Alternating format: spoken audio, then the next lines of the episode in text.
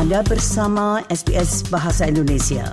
Dapatkan lebih banyak lagi cerita bagus di sbs.com.au garis miring Indonesia.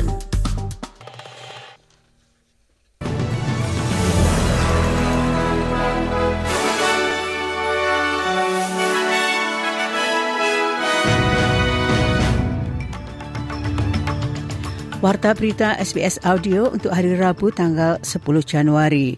Sari berita penting hari ini, inflasi turun ke level terendah dalam dua tahun. Coles mengatakan pihaknya menyambut baik penyelidikan di tengah tuduhan bahwa raksasa supermarket itu menipu pelanggan. Dan di cricket, Steve Smith dikukuhkan sebagai batsman pembuka pertandingan tes baru di Australia. Berita selengkapnya.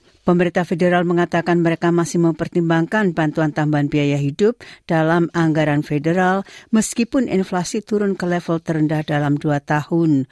Angka yang baru dirilis untuk bulan November menunjukkan inflasi sebesar 4,3 persen turun dari 4,9 persen di bulan Oktober. Ini merupakan angka inflasi terendah sejak Januari 2022. This is a really welcome and encouraging outcome, but we don't get carried away because we know people are still under the pump. That's why we're rolling out this cost of living relief, which is helping. We saw that again in today's figures. Raksasa supermarket Coles mengatakan pihaknya bersedia bekerja sama dengan pemerintah dalam meninjau kembali kode etik makanan dan bahan pangan. Supermarket besar, khususnya Coles dan Woolworths, dituduh mencungkil atau mengangkat harga pelanggan. Pemerintah federal telah menunjuk mantan Menteri Craig Emerson untuk memimpin tinjauan tersebut. Salah satu isu yang akan dikaji adalah apakah industri supermarket yang saat ini bersifat sukarela harus diwajibkan.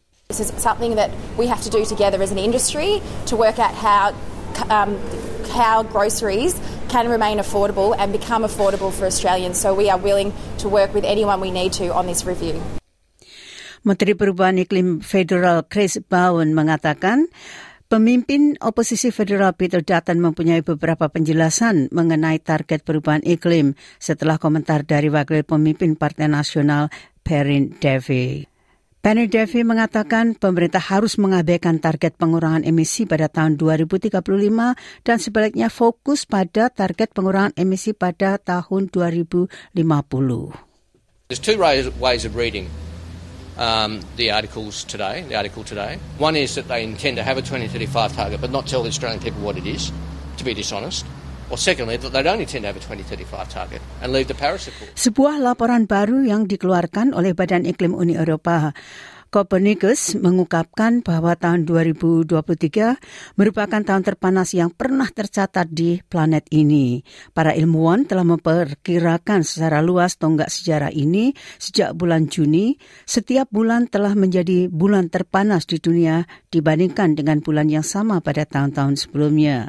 So we know there's a direct correlation between average global temperatures and the uh, number and frequency and intensity of extreme events. Saat ini sebagian besar wilayah Victoria akan tetap kering dengan ancaman banjir di Murchison dan Shepparton dan kemudian di Echuca. Sementara air banjir surut di kota Seymour dan Yei dan Rochester di utara, sungai diperkirakan akan naik dalam 24 jam ke depan di kota regional utara Shepparton.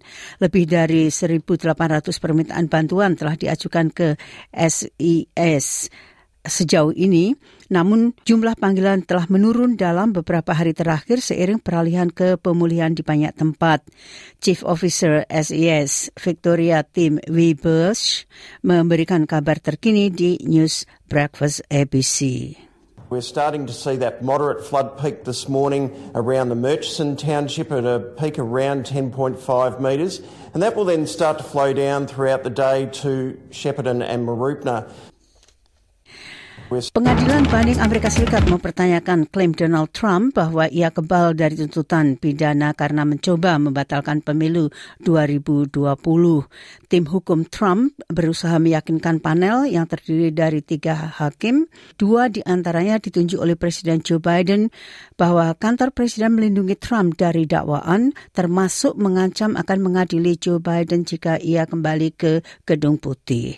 It seems to me that if once you concede that presidents can be prosecuted under some circumstances. Your separation of powers argument falls away.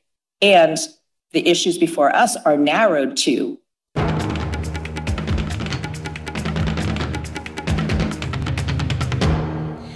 Nah di bidang kriket, Ketua Penyeleksi Putra Australia George Bailey telah mengkonfirmasi bahwa Steve Smith akan mengambil alih tempat atau posisi David Warner sebagai batsman pembuka di tim pertandingan Test Cricket.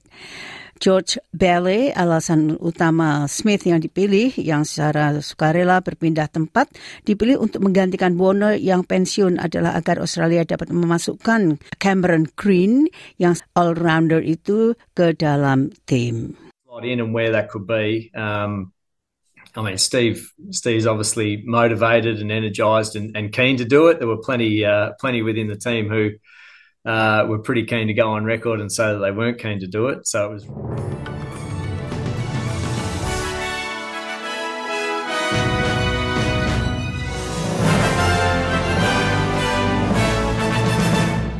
Nah sekali lagi Sari berita penting hari ini, inflasi turun ke level terendah dalam dua tahun.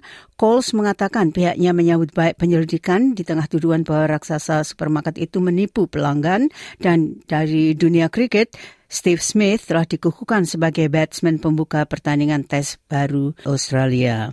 Sekian Warta Berita SBS Audio untuk hari Rabu tanggal 10 Januari.